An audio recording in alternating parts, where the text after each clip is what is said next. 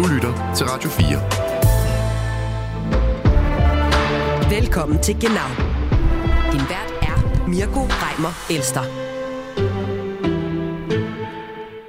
Med mindre du har sovet under en sten de sidste 25 år, så kender du selvfølgelig godt dette stykke kulturarv. Med min kadet, med min kadet, Opel kadet, den er Olsens nummer 1. Ja, Elron Haralds Mere min kadet fra 1998 har stadig legendestatus her 25 år senere, efter Elron Haralds debutalbum Pornogangster ramte hylderne den 3. november 1998. I denne uges genau hylder vi Harald Emann fra Sønderjylland, fordi vi ved, hvem han er, og vi ved, hvad han kan, og vi dykker ned i hans øh, tekstunivers. For hvad de færreste måske ved, er, at den sønderjyske rapper jo også flittigt inkluderede tyske gloser i sine tekster, eksempelvis her. Jeg tænkte ved mig selv, aber doch, aber doch, som de siger over tysk, ein Loch ist ein Loch. Ja, aber doch, aber doch, ein Loch ist ein Loch. Det er nemlig helt korrekt. Men øh, udover det, så skal vi også se nærmere på, hvordan tyskerne vil løse deres integrationsproblemer nu, hvor der har været migrationsskabfælde i Bundeskanzleramt. Og så er det i denne uge 100 år siden, at Adolf Hitler første gang ragt ud efter magten ved ølstuekuppet i München. Det lykkedes som bekendt ikke dengang, men Hitler lærte åbenbart en hel masse, der gjorde, at han senere kunne sætte sig på magten i Tyskland. Velkommen til Genau. Du lytter til Genau på Radio 4. I den her måned er det 25 år siden, at øh, et af de mest legendariske danske rap-albums nogensinde ramte plade og øh, CD-butikkerne i øh, sin tid. Selv boede jeg jo øh, ikke i, i Danmark øh, på det tidspunkt. Jeg boede øh, på den anden side af, af grænsen i, øh, i Sydslesvig, rettere sagt i Slesvig by. Og alligevel var der en, øh, en bølge, der svømmede hele vejen over til, øh, til Tyskland. Nemlig den, det album, vi taler om, er selvfølgelig Elron Harls pornogangster. Et, det vil jeg jo som sagt stadig med en legendarisk øh, album, og derfor er det selvfølgelig også nærliggende at tale med en af Sønderjyllands nok mest øh, førende kulturambassadører den dag i dag, nemlig dig, Lars Jensen, som du jo hedder ja. med, med, med borgerligt navn, men øh, de fleste kender dig jo nok som Elron Harald. En mand fra Sønderjylland. Ja, præcis. En mand fra Sønderjylland. Du, vi ved, hvem du er, og vi ved, hvad du kan. Ikke? Oh yes, oh yes. Lige præcis. Lars, øh, prøv at høre her. Øh, du, øh, du har jo talt om, om pornogangster så mange gange før, øh, mm. men her i, i Genau vil jeg selvfølgelig rigtig gerne tale med dig om øh, selvfølgelig både det, det billede, som du har været med til at tegne, øh, også af, af Tyskland og, og tysker, og selvfølgelig også øh, den særlige relation, man får til Tyskland, når man, øh, som du jo bor i, øh, i Sønderjylland og i, og i grænselandet. Mm. Men... Ja. Øh, lad os starte med at, at høre en del af, af det, der jo nok suverænt har, har været dit, øh, dit største hit, nemlig Mere min kadet. Okay. Mere min kadet, mere min kadet, Opel kadet, den er Olsens nummer 1. Mere min kadet, mere min kadet, Opel kadet, den er Olsens nummer 1. Mere min kadet, mere min kadet, Opel kadet, min kadet, mere min kadet, Opel kadet, den er Olsens nummer 1. Lars, lad, lad os starte med at tale om, hvad, hvad er historien med, med den der kadet? Fordi noget af det, som jeg selvfølgelig tænker meget over i den forbindelse, og det vidste jeg jo ikke dengang, da, da jeg var en, øh, en ung tysk teenager, det er, jeg kan huske, du og jeg kender jo også hinanden privat. Øhm, ja. Og jeg, Gud hjælpe det. Ja, Gud hjælpe det. Men, øh, men øh, Lars, jeg kan jo huske de, de sidste par gange, når jeg hentede dig, og vi har været ude at spise, så har, mm. du har jo ikke noget kørekort. Så for, for, fortæl mig lige, hvordan kommer man egentlig på den idé øh, at skrive en sang øh, om øh, lige præcis en Opel Kadett i øh, 1990'erne, når man ikke selv har kørekort? Jamen, nu er det jo ikke nødvendigt at have kørekort for at køre bil, vil jeg sige. Især ikke i Sønderjylland, nej, det er rigtigt. især ikke i Sønderjylland. Men det var et spørgsmål om, at øh, der kom mange rap-sange, også på det tidspunkt, der handlede om de her stjernerapper, der kørte rundt i deres store Mercedes og Lexus og Beamers og alt sådan noget der. Så tænkte jeg, nu det var lidt en antihelt, og så lavede et nummer, der handlede om en bil, som måske i de fleste øjne ikke var så heldeagtig, men som jeg så forsøgte at gøre til en slags antiheltebil, ikke? Og så fyre godt op for en masse ros af den her bil, som den nærmest har overnaturlige kræfter. ja, det, det kan man jo lige præcis godt tænke, når man, når man lytter til den. Ja, noget af det, jeg, jeg tror, jeg også gerne lige vil fortælle lytterne her, øh, også i forhold til, hvor lang en levetid den her fortælling om, om kadetten har haft, er øh, i dag. Du laver øh, ikke lige så meget musik, som du, som du lavede dengang, men du, du maler jo rigtig meget. Øh, det gør jeg også. Og, øh, og jeg kan jo se, at hver gang, når du på dine sociale medier lægger op, at du for eksempel her på det seneste, har du, har du blandt andet malet nogle, øh, nogle øh, kadetter, Ja. Og det virker til at være meget, meget populært, når du, meget, øh, ja. når du øh, går ind i, i, i det univers igen. Prøv at fortælle ja. lidt om, hvad er det for en respons, du, du også har fået? Fordi jeg lægger mærke til, at der jo blandt andet, du var også lidt inde på det der, det virker som om, du giver en, en form for også en stolthedsfølelse til, til det, i situationstegn lidt almindeligt liv, hvor man kører rundt i Brian-biler, eller hvad det så er. Altså, hvad er det for en respons, du får specifikt på det der med, at du lige præcis ophøjer Opel Kadetten til at være øh, sådan et gudbenået øh, køretøj? Jamen, jeg får en masse kærlighed, fordi der er mange, som øh, måske, som du siger, ikke øh, kører rundt i de helt store dyrebiler, så måske har en, en, en gennemsnitlig Opel eller sådan noget, så fortæller jeg, at den har superheltekræfter, og den kan det hele, og man er skidesmart, når man kører i den, og det giver folk en følelse af, at, at det sgu ikke er så dumt, altså. Og så øhm, er det som om, at de tager det til sig, og så er det som om, at de føler, at jeg har sat Sønderland på, land, på landkortet, sådan rapmæssigt og musikmæssigt i det hele taget, og at de har fået et eller andet, de kan føle sig stolte af, ikke? Altså.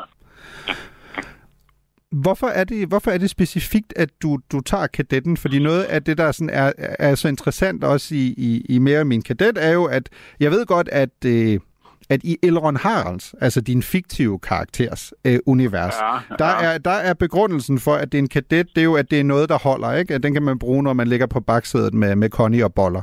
Det, det, så det, ja, der, der er selvfølgelig en begrundelse for, hvorfor det er, er det. Men at, hvor, hvordan er det, du specifikt kommer på den her Opel Kadett? Er det fordi, det er en, du sådan ser meget i, i gadebilledet i, i Sønderjylland, og specifikt i Sønderborg? Eller hvorfor er det lige præcis den? Altså, hvorfor er det ikke en BMW, for eksempel, eller en Mercedes, eller en Folkevogn, eller...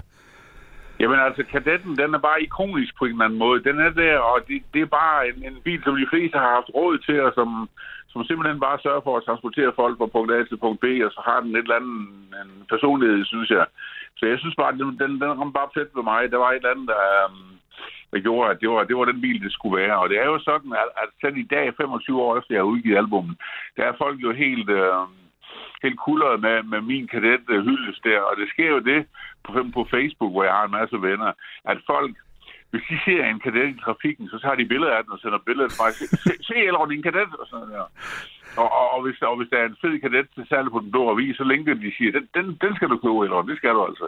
Så det har jo ikke ramt noget i folk, at, at, at, øhm, at jeg til synligheden har den her forkærlighed på den bil, og øhm, der er mange grunde til det, men jeg synes bare, at det er et godt stykke mekanik, tysk mekanik, og, og, og de fleste har, har som nævnt haft råd til at anskaffe sådan en bil, og det synes jeg bare, det gør noget sympatisk, ikke? Altså, det, det er lidt folkeeje. Øh, Ja, lige præcis. Lad os, lad os lytte apropos til en anden øh, del fra, fra mere min kadet, hvor du lige præcis øh, omtaler, hvorfor du elsker, eller hvor Elron Harald jo omtaler, hvorfor han elsker sin kadet.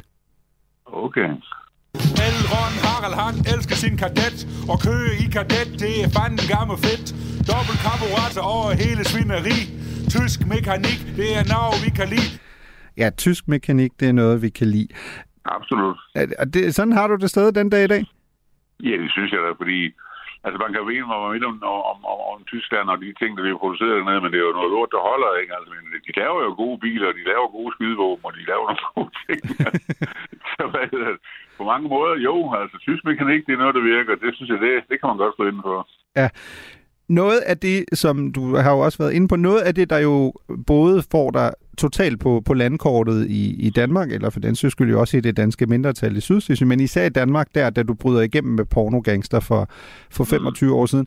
En ting er, det, det kan vi tale om lige om lidt, det er sådan, at det her meget vulgære øh, univers, som, som selvfølgelig ja, også, er, også er en del af det. Men noget andet af det er, er jo, at du, du rapper på sønderjysk. Ja. Øhm, hvad er dine overvejelser omkring det? Fordi det er jo noget af et nybrud i, i dansk raps øh, historie på det, på det her ja. tidspunkt. Ja, sådan, øh, den uh, idé der, det koncept der med at bruge en, en helt specifik dialekt, det var ikke rigtig hørt før. Men det var jo et spørgsmål om, at jeg flyttede til Aarhus i 94, fordi jeg kom ind på Journalisthøjskolen. Og øhm, der hang jeg ud med, med Reuterlot, min på min trofaste mand, Jacob Leisner der. Og um, vi havde det sådan, at vi savnede jo Sønderjylland helt vildt, og vi kunne enormt godt lide rap. Hvad gør man så? Jamen, så rapper man lidt på Sønderjylland. Det virkede oplagt. Og, um, så vi lavede nogle numre og optrådte til nogle kollegefester og sådan lidt forskelligt. Altså, det var et spørgsmål om, at, at Jamen, altså, det, var, det var bare oplagt, for Sønderjysk er en svedig dialekt, og den svinger, og der er nogle sjove udtryk og nogle sjove endelser. Så vi tænkte bare, at det må, det må være sagen. Den er, den er vi klar på. Hvad, hvad var reaktionen dengang? Fordi du siger jo, at, at du synes, det er en svedig dialekt, og, og mm. at, at for dig var det totalt nærliggende.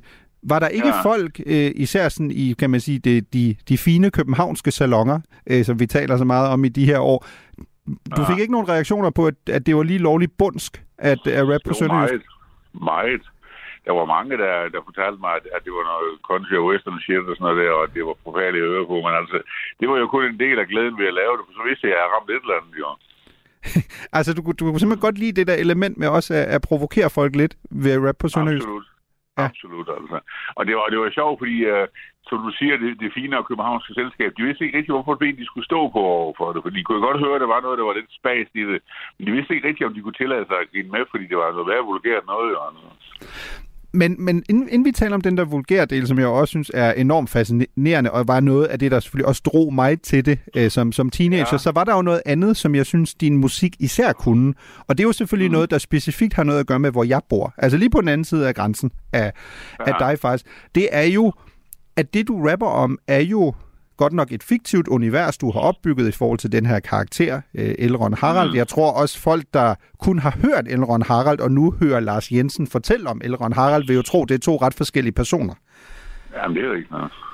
Men noget af det, der jo også altså, stikker sådan virkelig ud, synes jeg, i Pornogangster, det er jo, at det, du beskriver, er jo enormt autentisk. Altså, du, du beskriver jo et liv, hvor du bor i et grænseland. Mm.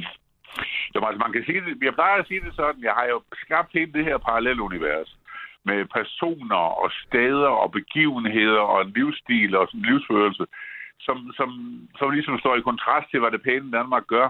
Men jeg plejer at sige det sådan, 50 procent af det, jeg rapper om, det er sandt, og resten kunne lige så godt være det. Fordi mange af de personer, som jeg nævner, Bobo Knak, Ingolf Listetyv og alt sådan noget i Dybelrokke, det er jo virkelig personer hernede fra Sønderborgs betændte underliv, han har sagt.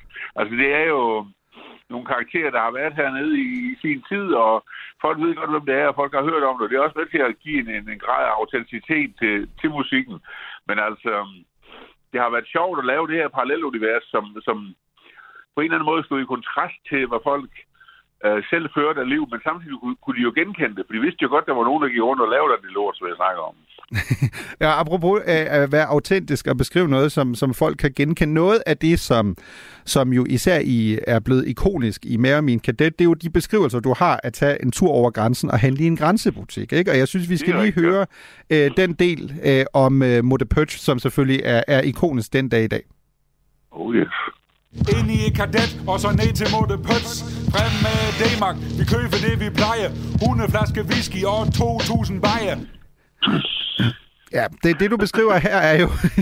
jeg, jeg, har, jeg har jo arbejdet i, i grænsebutikker, dog ikke i, i Pøtsch, men, men i Flækår. Øh, og det, det er klart, at 100 flasker whisky og 2.000 bajer, det er måske i overkant. Jeg ved ikke i forhold til, til bajerne, men jeg, har, jeg så dog ikke så mange, der købte 100 flasker whisky, men... Øh, men du, du beskriver... med de forkerte. Tydeligvis. Jamen, jeg tror generelt ikke, jeg har haft det rigtige selskab dengang. Det lyder som om, I Ej. havde det sjovere på jeres side af grænsen, end øh, jeg havde på min. Det tror jeg på. men, men hvad er det, hvad er det du sådan, altså, taler ind i der? Du taler jo ind i en kultur af, at det, når man bor på den side af grænsen, så er det ret normalt bare at, at sm- tage et smule, ikke? Jo, absolut. Altså, jeg mener, mange af de unge mænd, de arbejder jo på Danfoss eller Linak, og så hver fredag, så er der noget med at køre ned til, ja, dengang var det så pøds og hente en masse forsyninger af øl og sprut og sådan noget, så køre hjem igen og så holde nogle vilde fester og se, om de kunne få en konje på krogen, ikke? Altså, det, det, det var jo sådan nogle ting, der skete, så det er faktisk, det er ikke noget, der kommer fra det ydre rum, eller sådan noget. Det er faktisk ret realistisk meget af det. Det er en beskrivelse af en livsstil i et lille samfund, som, som mange kender til, og som mange har prøvet. Jo. Ja, især det med grænsehandlen er jo også, kan man sige, en del, altså, som er måske ikke universel, men jo meget dansk, ikke? Altså, fordi den rammer jo rent uanset, om du bor i Sønderborg eller andre steder, fordi der trods alt er en relativt stor del af, måske ikke af befolkningen, men vel især når man bor i Jylland, øh, der godt kender det her med, nu tager vi lige derned, fordi der er ikke så langt, og så tager vi, så tager vi en trailer med, og så kan vi købe nogle forsyninger. Ja, det er rigtigt nok. Det er jo en del af livsstilen hernede. Der er mange, der dyrker det der med at gå over grænsen og så fylde godt op. Og det fede det er, at folk tror, jo mere de kø- køber, jo mere sparer de. Og sådan noget. Så på et tidspunkt så udligner det næsten hinanden, så det er gratis. Men det er jo ikke sådan en sådan der i virkeligheden. Men, men folk kan godt lide det der med at køre ned og i de her indkøbspartys butikker, hvor der er simpelthen hylder, der buner af lækkert slik og og billige sprut og sådan noget. Det er jo, det er jo en del af stilen hernede. Mm. Du, du sagde jo selv i før, at 50 procent af det, du rapper, det er sandt, og resten kunne godt være det. Hvad er det ja. at, at, i den her del i forhold til at, at ned med D-mark og så øh, ligesom købe de her 100 flasker whisky og 2.000 bajer? Er det noget af det, der er sandt, altså for en, en ung eller yngre Lars Jensen, eller er det mere opdækket, eller, eller tog du også selv derned og handlede? Jo, jo, jeg har da været meget dernede. Jeg har da haft enormt mange ture over grænsen, så det, det tror jeg alle kender til hernede, fordi det er jo et indkøbsparadis. Lave priser, kæmpe udvalg og sådan noget, og de, og de ting, der trækker i kunderne, så jeg har været der som så mange andre, det har jeg sgu. lad os, øh, ja, det tror jeg gerne. Lad os, lad os tale om, du, du har også været inde på det. Jeg vil jo også rigtig gerne tale om, som du siger, det her parallelunivers, som du opbygger som, som uh, Elrond Harald på, på Pornogangster tilbage i 98. Og noget af det, der selvfølgelig også giver enormt meget genlyd, er jo, at den karakter, Elrond Harald, som du opbygger. En ting er, at Elrond Harald han kan godt lide at tage ned i pøtch øh, og så videre, og han kan godt lide at køre kadet, men han er også en, han er jo en fisekarl, ikke? Altså, han, jo, han, han, han, han scorer damer. Og lad os lytte øh, til en del af sidste nat øh, klokken 3, hvor vi jo blandt andet øh, lige præcis møder øh, Elrond Harald, øh, der, og han skal ud, og han skal score.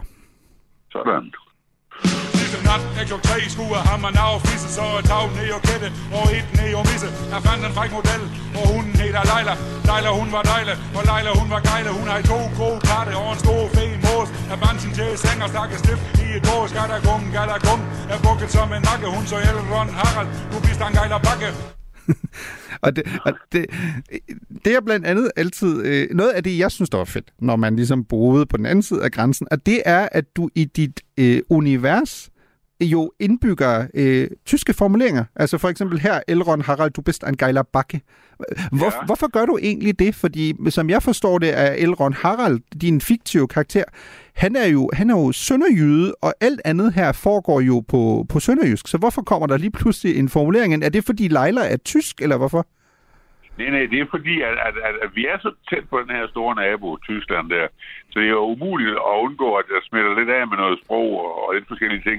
Og så er tysk, det er jo et herligt udtryk at skælde ud på, eller sige svulstige ting på, fordi det er sådan et, et meget øh, koncist sprog, hvor der bliver gået lige til makronerne, så, så hvad hedder det, det har bare passet godt, og der er jo mange hernede, der, der, der siger nogle ting, hvor de blander lidt tysk ind i det, sådan noget vidt i vilden og sådan noget. Ikke? Så, så hvad hedder det, øhm, det har bare virket helt naturligt, fordi jeg ved, det er en del af omgangsformen her i Sønderjylland.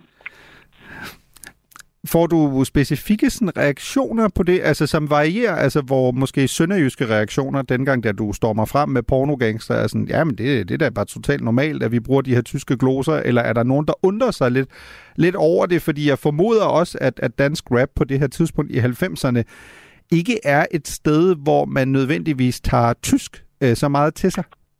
Jamen, det er rigtigt nok. Jamen, altså, jeg har egentlig ikke fået de store reaktioner. Det er som om, jeg har passet meget godt ind, og folk de har været klar over, at det var en del af jargonen, ikke? Og, og en del af omgangsformen hernede. Jeg synes ikke, der har været nogen, der ligesom har undret sig massivt eller udtrykt, at de synes, det var noget mærkeligt noget. Det er nok som om, det lykkedes mig at få, at få formidlet det på en eller anden måde, så folk de kunne høre, at, at det var bare sådan, det passede ind. Altså. Mm.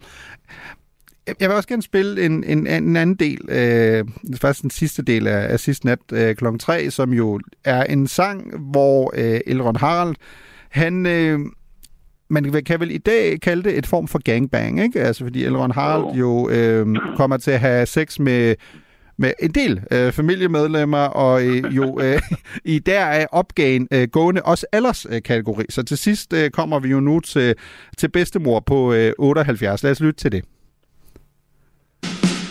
så kommer bedstemor til, hun var 78. En fræk gammel dås på et tal pervers. Hun så i Elrond Harald, nu det mormors bue frem med lommel. For Essen blev så Jeg vil have en i rev Jeg vil have en i gumme Du skal bukke mig og opleve det Indtil mummer hun kommer. Altså ha ha ha. Det er fandme godt. Du er da mindst lige så gammel som Sønderborg Slot. Er du sikker over Den mekanik. Den virker. Du har muk og rev Og din dårs den kigger Hun så unge mand. Det er når du ikke har fattet. Mummer her Hun vil have spærre med patte. En model som mig selv. Bliver bag med alle Men det finder du ud Når vi ligger og knalde Jeg tænkte ved mig selv. Aber dog, aber dog Som de siger og tysk. Ein Loch ist ein Loch Så fik hun et stift i sin gammel dusk Og det er så det sidste jeg kan huske Ja, ja. Øh, Ikke et øje er tørt. ej, det, det, og det kan jeg fortælle dig, det var der heller ikke dengang, jeg, jeg første gang hørte øh, øh, pornogangster. Det har været stadig et af mine, mine absolute favoritøjeblikke, øh, da man lige pludselig jo igen, og man, man har jo ikke mødt dig før, så man, man, jeg kan tydeligt huske, at vi er jo tilbage i en tid, hvor det stadig er CD'er. Øh, Ja, ja. Så der kommer jeg, jeg gik i gymnasiet, jeg gik i ja, folkeskolen, ja, folkeskolen, jeg gik i folkeskolen med en, øh, med en rigsdansker. Og han må jo nok have været en tur over grænsen øh, tilbage i Danmark, og så øh, stiftet bekendtskab med det her, som, ja, og som du altså, også været inde på det, men altså, det her går jo som varmt brød, ikke? Hvis jeg husker det rigtigt, Jo, så sælger du hvad, gør 25.000 øh, eksemplarer de første to uger, tror jeg, efter udgivelsen den lige 3. der, november. lige der. Ja. Øhm, så han kommer tilbage, og, og alene, øhm, det her er jo et radioprogram, så prøv, Lars, prøv at beskrive coveret på Porno Gangster. Det er jo i sig selv jo et kunstværk. Jamen altså, det er taget af den nu legendariske kunstfotograf Søren Solkær, som tager nogle fantastiske billeder. Han var up and coming dengang der, og vi skulle lave et billede, der var lidt specielt, og de spurgte mig, hvad kunne du tænke dig? Så sagde jeg, jamen, projektet hedder jo Born Gangster, så jeg skal sidde på en kadette, der skal være to fuldstige blondiner, en på hver side, og så skal jeg have nogle automatpistoler i hænderne, ikke? Altså, det skulle være helt ud over the limit, ikke? Og det virkede også ret godt, fordi det var en provokation, og nogle af de her fine fisefornemme københavnske anmeldere, som for eksempel, øh, hvad er det, han hedder, fra politikken, der var Anders Rov Jensen, hedder han, ja. Han harcelerede jo fuldstændig vildt over det cover, og det var opfordret både til dødsvold og voldsporno, og der var ikke den ting, der ikke var galt med det. Men så jeg tænkte jo bare, at lov, det virker åbenbart. Ej, hvem skulle have troet i den sammenhæng, at, øh, at, at politikken øh, blev, blev lidt fornærmet, ikke lige kunne se... Ej, det, øh, det er tyndt. Det er tyndt. Hvad var, hvad var reaktionerne altså generelt øh, dengang her? Altså jeg var jo som sagt ved, at- ved at dø af grin over, at du brugte formulering af en loch er en loch, altså et hul er et hul. Øh, så en relativ, øh, relativ øh, liberal tilgang til, hvem man kan samleje med i, i den sammenhæng. Hvad, hvad var reaktionerne? Altså var, var anmelderne chokeret, eller tænkte de, okay, det her er bare en totalt dårlig udgave af amerikansk gangsterrap, eller hvad, hvad var sådan nå. anmelderne? Jamen altså, det var meget forskelligt. Information, de skrev en fremragende anmeldelse og mente, at det var et socialrealistisk øh, stykke vidnesbyrd fra livet i en provinsby, og, og lyden af tomme betonkælder og dæk, der vinede, og kvinder, der skreg, jeg ved ikke hvad. Men altså, altså generelt, altså, folk anmelder, anmelder er jo et folkefærd, og de var ikke generelt særlig vilde med det. De synes jo nok, altså mange af dem er jo københavnere, og de, de blev fornærmet over, at jeg gik københavnerne imod jo, og så skulle jeg have nogen på puklen, og det fik jeg så. Og jeg kan huske i starten med anmeldelsen, hvis jeg fik en dårlig anmeldelse, som jeg synes var uretfærdig, og som beroede på, at de ikke forstod, hvad det var, jeg prøvede på, så skrev jeg til dem og skældte dem ud. men det, det gør jeg så ikke mere. Men, men jamen, altså, der var mange, der, altså, mange fra anmelderskaren, de havde meget svært ved at forstå, hvad meningen skulle være med det der. Men hvis du skulle forklare det her øh, 25 år senere, hvad var, hvad var meningen med det? Fordi en del af udfordringen har vel altid været, i forhold til den modtagelse, du, du måske har fået, er, at folk ikke forstod, at det var et parallelt univers. Jamen, det, det, det er både godt og dårligt, fordi jeg har åbenbart været så god til at iscenesætte mig selv, at folk de tog det for gode varer.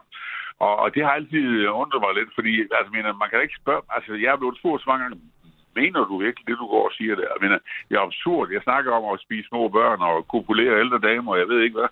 Og mener, der er jo ingen, der siger sådan noget i fuld alvor, men til Sydlandet har der været mange, der troede, jeg enten drømte om at gøre alle de ting, eller, eller rent faktisk gjorde det. Men altså, sagen er jo, at, at, at, at, at det er det er en fabel, ikke? Altså, det, det er en opristning af en ekstrem version af, hvordan det kunne være, og hvordan det har været for nogen.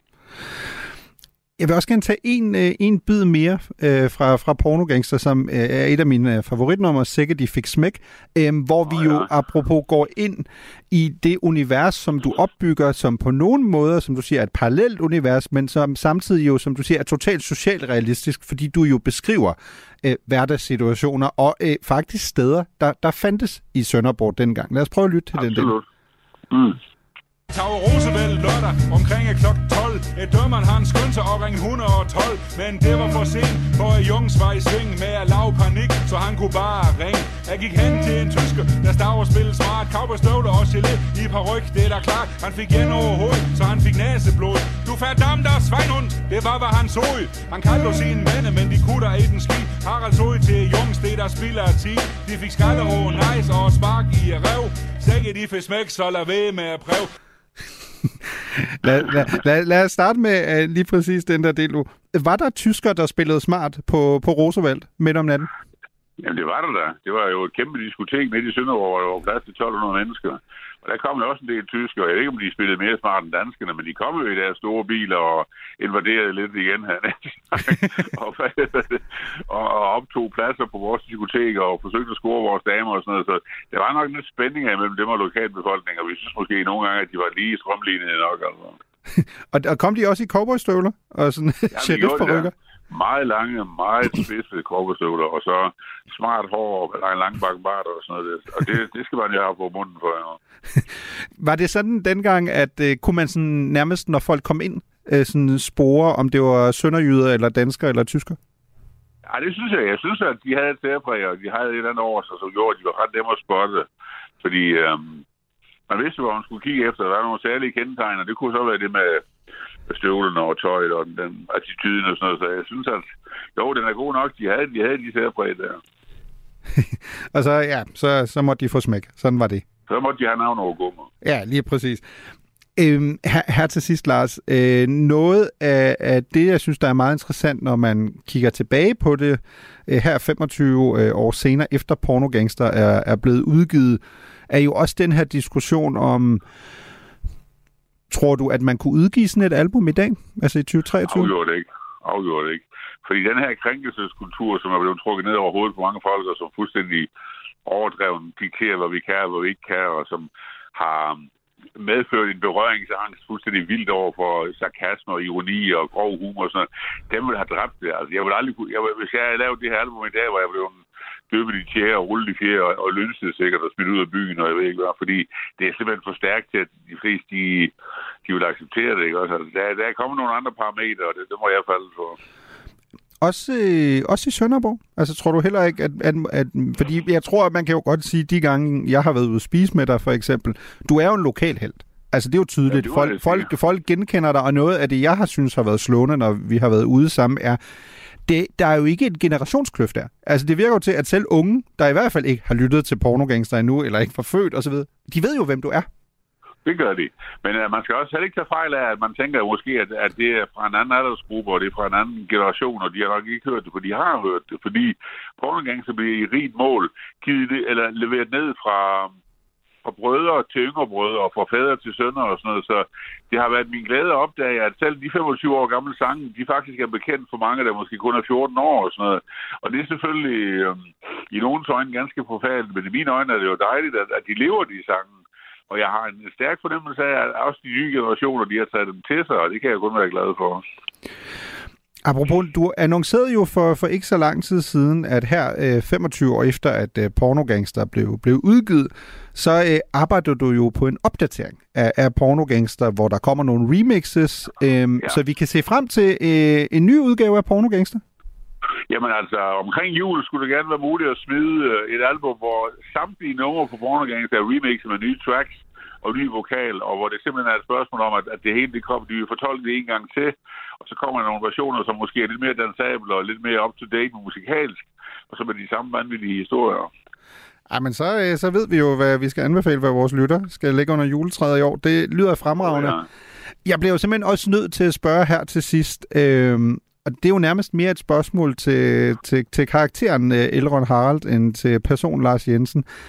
Ja. Vi har i det her program jo talt meget om, at der er jo en, øh, en stærk tilflytning af, af tysker til, til Sønderjylland.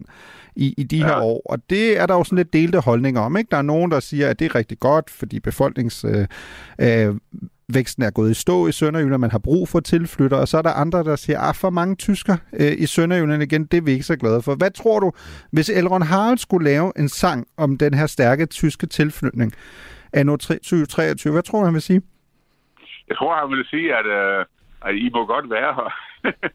Eller at, hvad hedder det, i må gerne have de her grænsebutikker, for I yder nogle fantastiske fordele. Ikke? Altså, mener, vi får jo noget billig øl og sådan noget til indkøbspris nærmest, og I leger en masse sommerhus, hvilket styrker lokaløkonomien heroppe op langs kysten og sådan noget. Så jeg tror bare, at man vil lave pis med det og sige, at uh, I var nødvendigt onde eller sådan noget. ja, det, det tror jeg, du har ret i. Tusind, tusind ja. tak, Lars Jensen, bedre kendt som uh, Elrond Harald. En mand. Ja. En mand fra Sønderjylland. Jeg glæder mig til at besøge dig i, i Sønder Bronx. Det bliver hyggeligt, så skal vi ud og knave. Det skal vi. Vi ses, min ven. Moin. Det gør vi. Moin.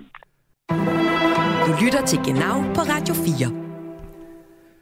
Som vi har talt om øh, seneste mange gange faktisk efterhånden i Genau, så er Tyskland muligvis på vej væk fra ideologien om wir schaffen das, når det gælder emnet asylansøger og migration. I denne uge kom der på et såkaldt topmøde med regeringen flere aftaler på plads, når det gælder om at få styr på de udfordringer, som de føderale og delstatsregeringer mener, de står med i forbindelse med tilstrømning af flygtninge og migranter. De øh, 16 tyske ministerpræsidenter kunne så tage hjem fra det her såkaldte migrationsgipfel i Bundeskanzleramt i denne her uge med blandt andet følgende konkrete øh, beslutninger i bagagen. Regeringen vil nu, altså den tyske forbundsregering, vil øh, for, nu betale en fast takst på 7.500 euro. Det svarer til ca. 56.000 kroner per asylansøger om året. Desuden skal asylansøgere, hvis procedurer typisk tager længere tid at behandle, fremover modtage grundydelser i tre år, før de modtager udbetalinger svarende til almindelige sociale ydelser i Tyskland. Og det betyder helt konkret, at man ændrer den her grænse, som hidtil har været 18 måneder, før man gik over på de almindelige sociale ydelser til fra 18 måneder til nu. Altså 3 år, altså 36 måneder. Derudover øh, blev lederne af føderale og delstatsregeringerne enige om, at asylansøgere i fremtiden vil modtage en del af deres ydelser som kredit på et betalingskort i stedet for kontanter. Der skal også øh, skabes betingelser for, at myndighederne og domstolene kan behandle asylansøgere langt hurtigere, end det er tilfældet i dag. Og så skal Tyskland opretholde grænsekontrol med Østrig, Schweiz, Polen og Tjekkiet, og det skal der også afsættes mere personale til. Bundeskansler Olaf Scholz var meget tilfreds med den øh, løsning, man fandt her ved den her migrationsgipfel, og har kaldt aftalen for historisk. Ich will nicht zu große Worte ergreifen, aber doch sagen, dass ich glaube, dass das hier ein sehr historischer Moment ist, in dem wir hier sitzen. Denn es ist angesichts einer unbestreitbar großen Herausforderung wegen sehr großer Zahlen im Hinblick auf Fluchtmigration und irreguläre Migration es gelingt, dass alle Ebenen dieses Staates eng zusammenarbeiten. Und das ist auch notwendig. Das erwarten die Bürgerinnen und Bürger von uns, dass wir das tun. Und sie haben heute den Beweis, dass sich die Ebenen dieses Landes darauf verständigt haben, miteinander dieser Herausforderung zu begegnen. Eine gute Nachricht früh am Morgen. Ja, altså kansler Scholz siger, at øh, han mener, at der taler om en historisk øh, beslutning, selvom man skal være så med øh, at bruge det udtryk. Han henviser til, at det også har været nødvendigt at se i lyset af de meget store øh, tal, man har i forhold til øh, tilstrømning øh, både af legal og illegal migration. Og så fremhæver han især, at alle øh, niveauer har arbejdet sammen her, altså både forbundsregeringen, der har arbejdet sammen med, med delstatsregeringerne og med kommunerne. Men lad os tale om, hvad det, hvad det her kommer til at betyde i, i praksis, og også hvordan det er blevet modtaget i Tyskland. Jeg kan sige øh, velkommen til, igen til dig, David Barnwood, journalist og udgiver af nyhedsbrevet Fejn med fra München. Hej David. Goddag, goddag. Goddag, goddag. Øhm, David, lad os starte med, hvad har, der sådan, hvad har sådan de ordnede reaktioner været på, på de her nye tiltag, som Tysklands forbundskansler altså kalder for historiske? Øhm, i den store del af pressen, så er det, været, så er det blevet positivt modtaget. Jeg tror, man har, eller man har lagt vægt på, at det lykkedes bundeslandene og den centrale regering at komme frem til en løsning, eller en, en enighed i hvert fald, omkring et ret komplekst og ret prominent, øh, en prominent problemstilling. Øhm, og så er det også selvfølgelig blevet bemærket, at øh, indholdet af den her aftale, det er jo et, som du også var inde på i dit oplæg, et, et markant øh, skred, eller i hvert fald et, et stort skridt fra tidligere tiders ved Schaffen das. Øh, så der er i hvert fald også tale om, hvad skal man sige, et, øh, et anderledes blik på, hvordan man skal håndtere øh, migrationskrisen eller migrationsproblemet, øh, og en anerkendelse af, at det, det er nye tider, og der skal nye løsninger på bordet. Hvad er det sådan præcis, du byder mærke i der, i forhold til, at der måske er et, et skifte nu fra Wir schaffen das til, ja, vi talte jo også om det for ikke så lang tid siden, Olaf Scholz var ude og sige, wir schieben dich ab, altså vi, vi, vi smider dig ud igen, men, men hvad er det sådan specifikt, altså hvis du, du har jo boet i Tyskland i mange år, altså synes, kan du selv se det, at der er sådan et skifte, eller er det bare noget, hvor der ja, bliver altså, lidt jeg, for meget? jeg synes, øh, Nej, jeg synes, altså det, det, det er reelt nok, ikke? Øh, fordi øh, nu, nu, nu endte du, du det jo lige selv, ikke? men altså retorikken omkring det er helt sikkert ændret, og det, det kan man jo mærke, når man snakker med folk, og når man læser øh, dagspressen. Øh, det var måske tidligere sådan lidt et, et billede område, hvor man gik lidt øh, strammere til asylstoffet, men der er ligesom opstået sådan en, en anden retorik og en anden måde at behandle øh, migrationsproblematikken, øh, også, også i den bredere presse. Og det er jo selvfølgelig også udtryk for en anden politisk kurs, men også et udtryk for, at, øh, at der er blevet åbnet op for nogle af de her problematikker, og det er blevet, hvad skal man sige, øh, mere stuerent og, og, og, og tale ind i det og talsætte det på en måde, som ikke var, var muligt før. Øhm, nu nævnte du jo de konkrete tiltag før. Jeg blev mærke i, og det har mange også blivet mærke i, at, øh, at der skal nu laves en undersøgelse af, hvorvidt man kan involvere tredje lande øh, i øh, asylprocesserne. Og det er jo sådan et scenarie, altså det var fuldstændig utænkeligt før øh, overhovedet at, at smide det på bordet. Øh, så det alene for mig er et udtryk for, at der, at der er sket rigtig, rigtig meget siden ved Schaffendas og det politiske lederskab, der stod bag det.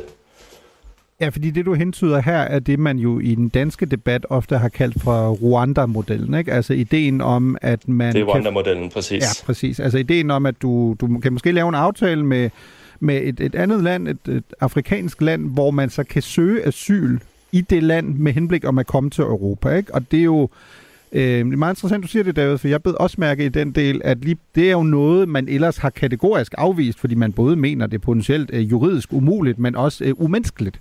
Øh, og det helt konkret har man jo her nu nedsat en, øh, en, en form for kommission, ikke, der ligesom skal kigge på, er det, er det her overhovedet muligt? Øhm, og det kom jo især efter pres fra, øh, fra højrefløjen. Ikke? Altså øh, selvfølgelig både centrum højre i CDU-CSU, men jo sandelig også øh, fra, fra AFD. Så David, hvad er sådan din analyse? Er, sker alt det her, fordi der er en konkret udfordring, eller sker det, fordi der simpelthen er så stort pres i forhold til, at højrefløjen går frem, at nu går man øh, groft sagt mere af politisk opportune årsager øh, i en ny retning? Jeg vil øh, sætte mine penge på det sidste, øh, for at være lidt, lidt frisk i det. Øh, altså selvfølgelig er der, er der udfordringer, men øh, hvis man kigger sådan helt faktuelt på det, så går det ganske udmærket, i hvert fald økonomisk i Tyskland. Inflationen falder, økonomien vokser, så det er jo ikke fordi, at, at hvad skal man sige, den samfundsmæssige struktur er ved at falde fra hinanden, så jeg tror langt større grad, det er et udtryk for, at øh, man især fra den centrale regering og, øh, har, har anerkendt, at der er en udfordring omkring de her ting rent politisk, øh, og at man kan, man kan, øh, hvad skal man sige, man kan vinde en politisk sejr ved at nå en bred enighed i et ret komplekst spørgsmål, og en på alle måder ret kompleks forhandling med, med alle bundeslandene, øh, for ligesom at tage noget af den der, som tyskerne siger, ryggenvendt øh, øh, fra AFD, og så måske komme lidt i øjenhøjde med, øh, med vælgerne. Så jeg tror måske mere, det er et udtryk for også politisk håndværk, end det er et udtryk for, at, øh, at tingene er ved at falde fra hinanden. Mm. Og er du, nu spørger jeg dig lidt kægt, uh, bare noget. Det er ikke fordi, du sidder på din alpetop dernede i det rige uh, sydlige Tyskland, og, og, og det måske egentlig er, fordi, fordi man, det med, og med grund til, at jeg siger det på den måde, er jo også, det er jo som sådan været kendt i lang tid, at man for eksempel ude i kommunerne har råbt og skrevet. Altså prøv at høre, vi har simpelthen ikke flere uh, idrætshaller eller andet, hvor, uh, vi kan, hvor uh, flygtninge og migranter ligesom kan kan bo i en periode, og det er jo også apropos tydeligt, at uanset om man tolker det som en politisk bevægelse, så er der jo en stor frustration i dele af den tyske befolkning over, at deres lønninger er lave, øh, og så videre. De mangler måske selv billige boliger, og så øh, oven i købet, så bliver sportshallen lukket på ubestemt tid, fordi man lig, ligesom øh, har den her store øh, tilstrømning på nuværende tidspunkt. Jamen selvfølgelig er der frustrationer, og det er der også øh, her på min albetop. Altså, det, øh, det, det er fuldstændig reelt.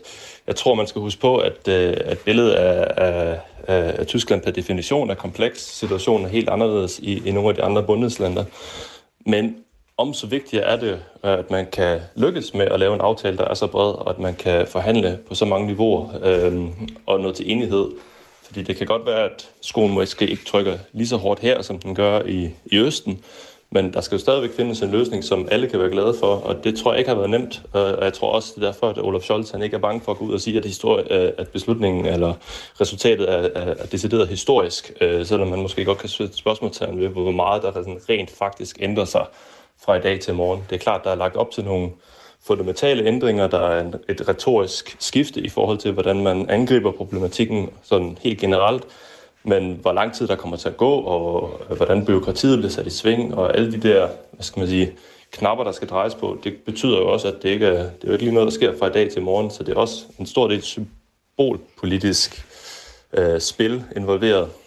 Og der er det jo fordelagtigt at kunne gå ud og sige, jamen, vi er med på, at der er udfordringer øh, over det hele. Vi er med på, at der er nogen, der har det sværere end andre, men vi løfter ligesom i samlet flok.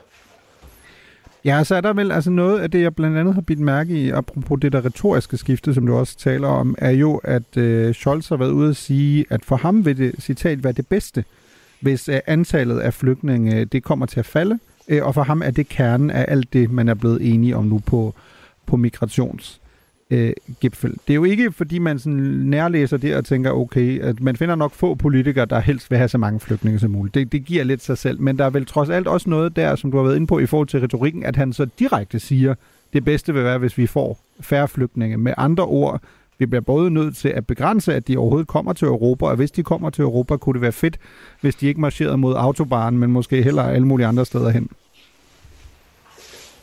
Jamen helt sikkert. Altså jeg tror, den officielle ordlyd var, at man skal øh, tydeligt og langvarigt øh, begrænse flygtningestrømmen. Øh, altså det er jo ord, som igen øh, var nærmest fuldstændig utænkelige øh, migrationsstrømmen. Den uregulerede migrationsstrøm, tror jeg er helt korrekt. Øh, men det er jo igen det er jo, det er jo en ordlyd og en retorik, som var helt utænkelig øh, for, for bare nogle år siden, og i hvert fald under Merkel.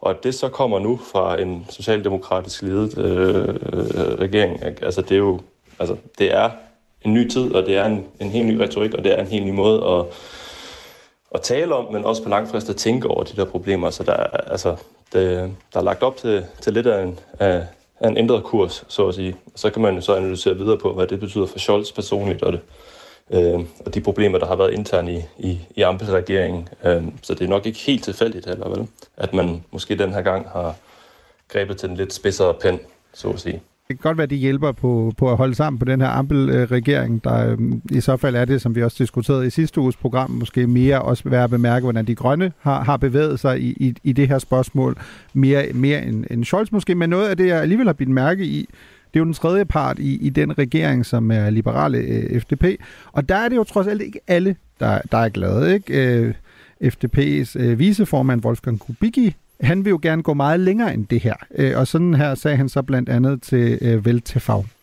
Wir müssen sagen, ein, äh, ein Viertel einer Stadt darf nicht mehr als 25 Prozent Migrantenanteil haben, damit keine Parallelgesellschaften entstehen.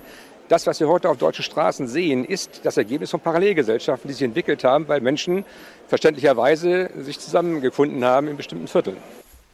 Ja, altså det han siger her er jo faktisk i en tysk kontekst ret vild. Han siger, at ifølge ham, øh, så burde der ikke være kvarterer i byer, hvor der er mere end 25 procents øh, andel af migranter, fordi ellers så opstår der der øh, parallelt samfund. Barnwell, du ved godt, hvad det betyder i praksis, ikke? Det betyder, at du, jo, du trækker jo det tal op, der hvor du bor, i München, ikke? Du er jo en del af de 25 procent, som, øh, som Kubicki så, øh, så tænker på at frygter øh, parallelsamfund. Hvorfor, hvorfor har vi sådan en øh, midtforlaub, som man siger på tysk, lige pludselig dansk retorik? Øh, nærmest vildere end dansk retorik på det her spørgsmål, hvor man sætter konkrete tal for, hvor mange migranter, der må bo i bestemte dele? Ja, det, det, det skal jeg passe på med at, at læne mig for langt ud af vinduet her. Jeg tror, man skal kigge på, hvor det citat konkret kommer fra. Ikke? Altså, hvis man skal kigge lidt på, hvordan FDP har stået i den seneste tid, og, og hvilke udfordringer de har haft med at overtale vælgerne til at kigge deres vej. Altså, de fik jo en ordentlig ørefine sidst. øh, der var noget at stemme om. Så tror jeg, at, øh, at de også er, er ude i det ærne og ude og, og prøve at positionere sig på et område, som måske ikke traditionelt har været deres, og så virker det jo meget fint, hvis man kan komme med lidt en lidt spids retorik og noget, som pressen samler op på. Øhm, igen, øh, det er jo kom- kompleks sammensat land, Tyskland, og der er altså helt sikkert områder, øh, hvor at det er reelt nok, og hvor der er massive problemer og store farer for, at der opstår parallelt samfund, men der er også masser af andre steder, hvor det overhovedet ikke er relevant, og hvor det overhovedet ikke er noget spørgsmål, inklusive her igen på min alpetop.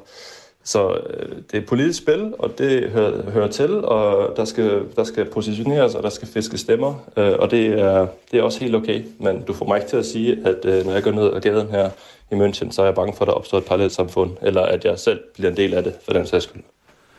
Nej, det, det havde jeg nok tænkt, og jeg har jo også en formodning om, at det her, øh, når, når Kubicki taler om det her, så er kodeordet, hvad egentlig, når han taler om parallelsamfund, så det er ikke det, vi ser på din alpetop, men det, vi ser i Neukölln i, i Berlin, blandt andet, ikke, som jo har været meget i vælten, også apropos Hamas' af angreb. Men, men her til sidst, David Barnuel, så det er ikke, du, du vurderer ikke, at de der sådan, idéer om 25% migrantandel i kvarterer i forskellige byer, altså det har ikke nogen gang på jorden. Det er, det er mere øh, øh, valgflæsk på et meget tidligt tidspunkt. Det tror jeg. Jeg tror, det, er, det vil være enormt svært altså at forestille dig, hvordan du skal overhovedet komme til et punkt, hvor du kan lovgive om den slags ting i et, et land som Tyskland. Så skal det i hvert fald ikke foregå på, på federalt niveau. Øh, det tror jeg, det, det er ikke realistisk. Nej, det vil vel i praksis kræve, at alle skulle møde op hos kommunen, og det er jo svært nok. Altså, man kan ikke engang få tid hos tandlæger, hvis man stoler på Friedrich Merz. Så jeg det, tænker, at det... Så skal, du, så, så, så skal du sende en fax. det, det, det kunne også være en mulighed. Lad os, lad os undersøge det en anden gang, øh, David Barnwell, journalist og udgiver af Tysklands nyhedsbrede Fejn. Tusind tak for din tid, David. Og hilsner til Albertoppen. Det var så lidt. Ha' en god dag. Du lytter til Genau på Radio 4. I denne uge var det 100 år siden, at Adolf Hitler første gang rakte ud efter magten i Tyskland. Det gjorde han med et kupforsøg. Kl. 20.30 den 8. november 1923 brød lederen af den nationalsocialistiske bevægelse nemlig ind i ølstuen Bürgerbrøjkælder i Rosenheimstrasse i München. Det gjorde han sammen med lederen af vagtkorpset SA, Hermann Göring og andre nazister og medlemmer af Deutscher Kampfbund. Her afbrød de et møde mellem nogle nationale forbund ledet af den bayerske generalstatskommissær Gustav Ritter von Kahr. Efter at have affyret en pistol, mod loftet erklærede Hitler, at den nationale revolution var brudt ud, og at regeringen i Bayern og den tyske regering i Berlin var afsat, og at en ny regering ledet af general Ludendorff og ham selv var indsat. Jeg kan nu sige dig øh, velkommen til dig, Karl Christian Lammers. Du er lektor emeritus på Saxo Instituttet på Københavns Universitet. Tak. Karl Christian, vi, øh, det, det lyder jo sådan som udgangspunkt sådan rimelig øh, simpelt, men vi ved jo godt, at det lykkes jo ikke at øh, iværksætte, eller i hvert fald fuld, fuldende det her kupforsøg. Hvad var det, der skete efterfølgende? Ja, meningen var, at øh, øh, dem, der havde foretaget kuppet, altså Hitler og de andre nazister, næste dag ville arrangere en stor demonstration i München, Øhm, lidt i stil med øhm, de italienske fascisters mars mod Rom året før. Og øh, på den måde vil man altså afsætte regeringen i Berlin, overtage magten i Berlin, og så etablere et øhm, højere diktatur. Man kan jo sådan umiddelbart, når man lyder, øh, lytter til det her, og sådan den her beskrivelse, som du også siger, godt nok inspireret også fra, fra udlandet, og tænke, det, det lyder lige lovligt ambitiøst, måske at rende ind øh, i en ølstue og have et våben med, og så siger, prøv at høre, nu udbryder der revolution. Er det fordi man på det her tidspunkt i Tyskland havde bevægelser, der, der gjorde, at, at Hitler ligesom kunne tænke, at han kunne få øh, medvind på cykelstien? Ja, øhm, og så er der lige en lille interessant detalje, som jeg lige vil føje til. I 1920 lykkedes jo et kupforsøg, det såkaldte Kapputz i Berlin, der afsatte regeringen, der så måtte flygte til, øh, til Stuttgart i Sydtyskland, og øhm, den blev så kupforsøget blev øhm, stoppet, da der blev erklæret generalstrække i Berlin. Den lille detalje er, at Hitler faktisk var med til øh, at gennemføre Kaput. og øh, derfor kunne han måske føle sig inspireret af, at det kunne godt lade sig gøre, at med et, øh, et øh, udemokratisk angreb at vælte styret i Berlin. Okay, så han har nærmest været i lære et, øh, et par år inden, øh, prøver så øh, på, på egen hånd øh, tre, tre år senere. Karl Christian Lammers, ved vi egentlig, hvis vi nu går lidt over i det kontrafaktiske, og du og jeg er jo begge historikere, så vi ved, det er altid en lidt omdiskuteret disciplin, men hvis vi nu forestiller os, at man faktisk var lykket med kupforsøget for, for 100 år siden, ved vi, hvad planen havde været i så fald? Øhm, ja, det var at etablere et højere diktatur. Øhm, det vil sige et brud med den demokratiske Weimar-republik og indføre en eller anden form for autoritært styre. Men hvad de videre planer var efter det, det ved vi ikke noget om. Ja, så sker der jo også det, at, øh, at Hitler bliver jo, han bliver anholdt, ikke? Øh, og han bliver stillet for retten. Og øh, bliver jo anklaget for højforræderi, og så bliver øh, NSDAP, altså nazipartiet, bliver først forbudt i, øh, i det tyske rige. Men som du jo også har skrevet i, i en artikel i an, lige præcis anledning her af, af 100-året for, for ølstuekuppet, så kunne man jo måske have troet, at det var her, øh, det hele stoppede, men det ved vi jo ikke, ikke var tilfældet. Og måske er det, og det er jo det, vi skal tale om nu, måske var det her mislykkede kupforsøg i 23 på en eller anden måde nærmest en form for, for startskud øh, til, det, til det, der så senere bliver kendt øh, som det tredje rige, der, der volder død og, og ødelæggelse i Europa og, og globalt. Hvor, hvorfor, øh, hvorfor det, Karl Christian Lammers? Øhm, fordi Hitler og NSDAP øh, har fået en lærestreg, og de drager en lære af det mislykkede kupforsøg.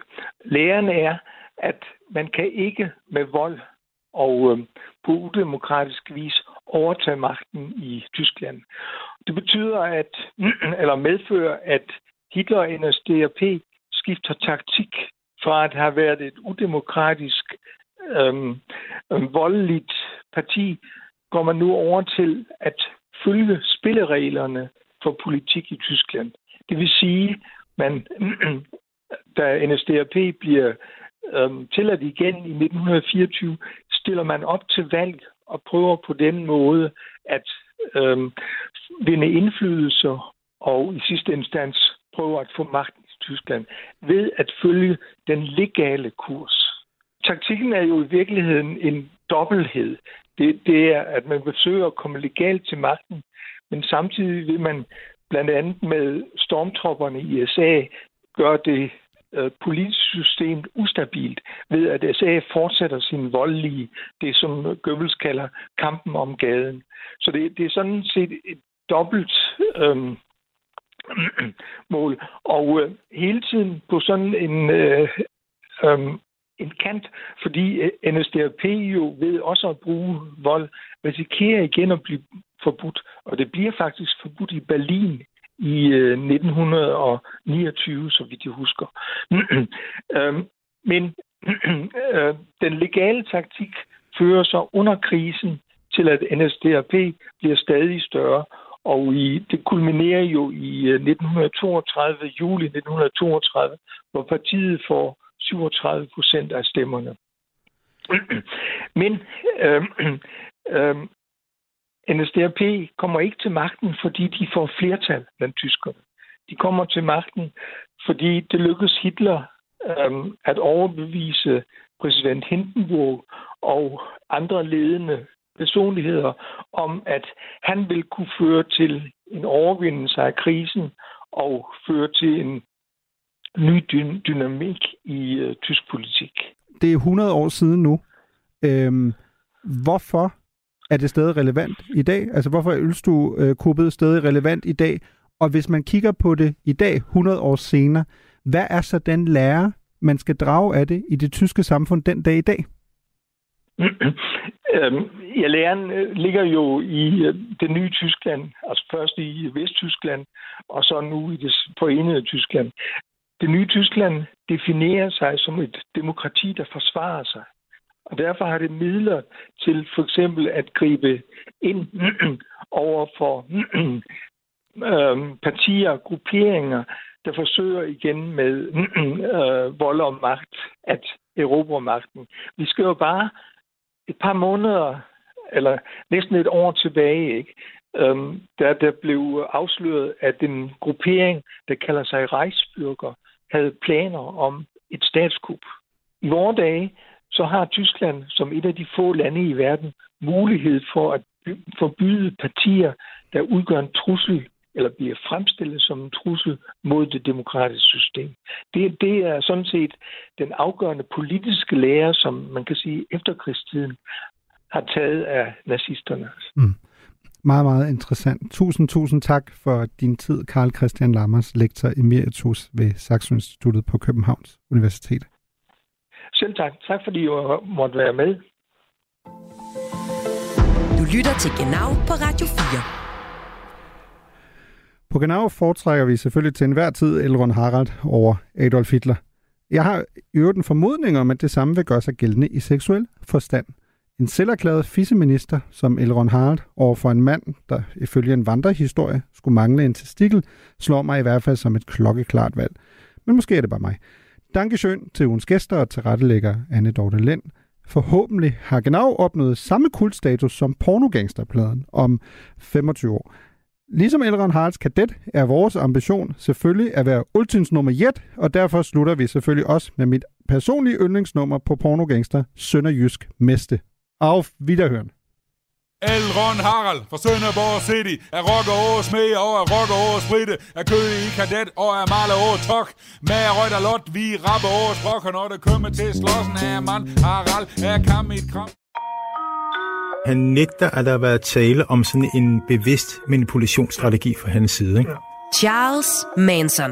Og det er jeg overbevist om, der har været. Kultlederen, der endte som centrum for en række bestialske drab. At det lige går ud over de mennesker, det går ud over, det er et tilfælde.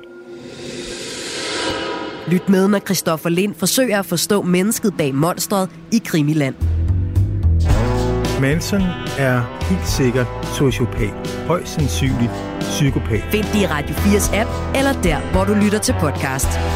Radio 4. Der er måske mere bag. Ikke så forudsigeligt.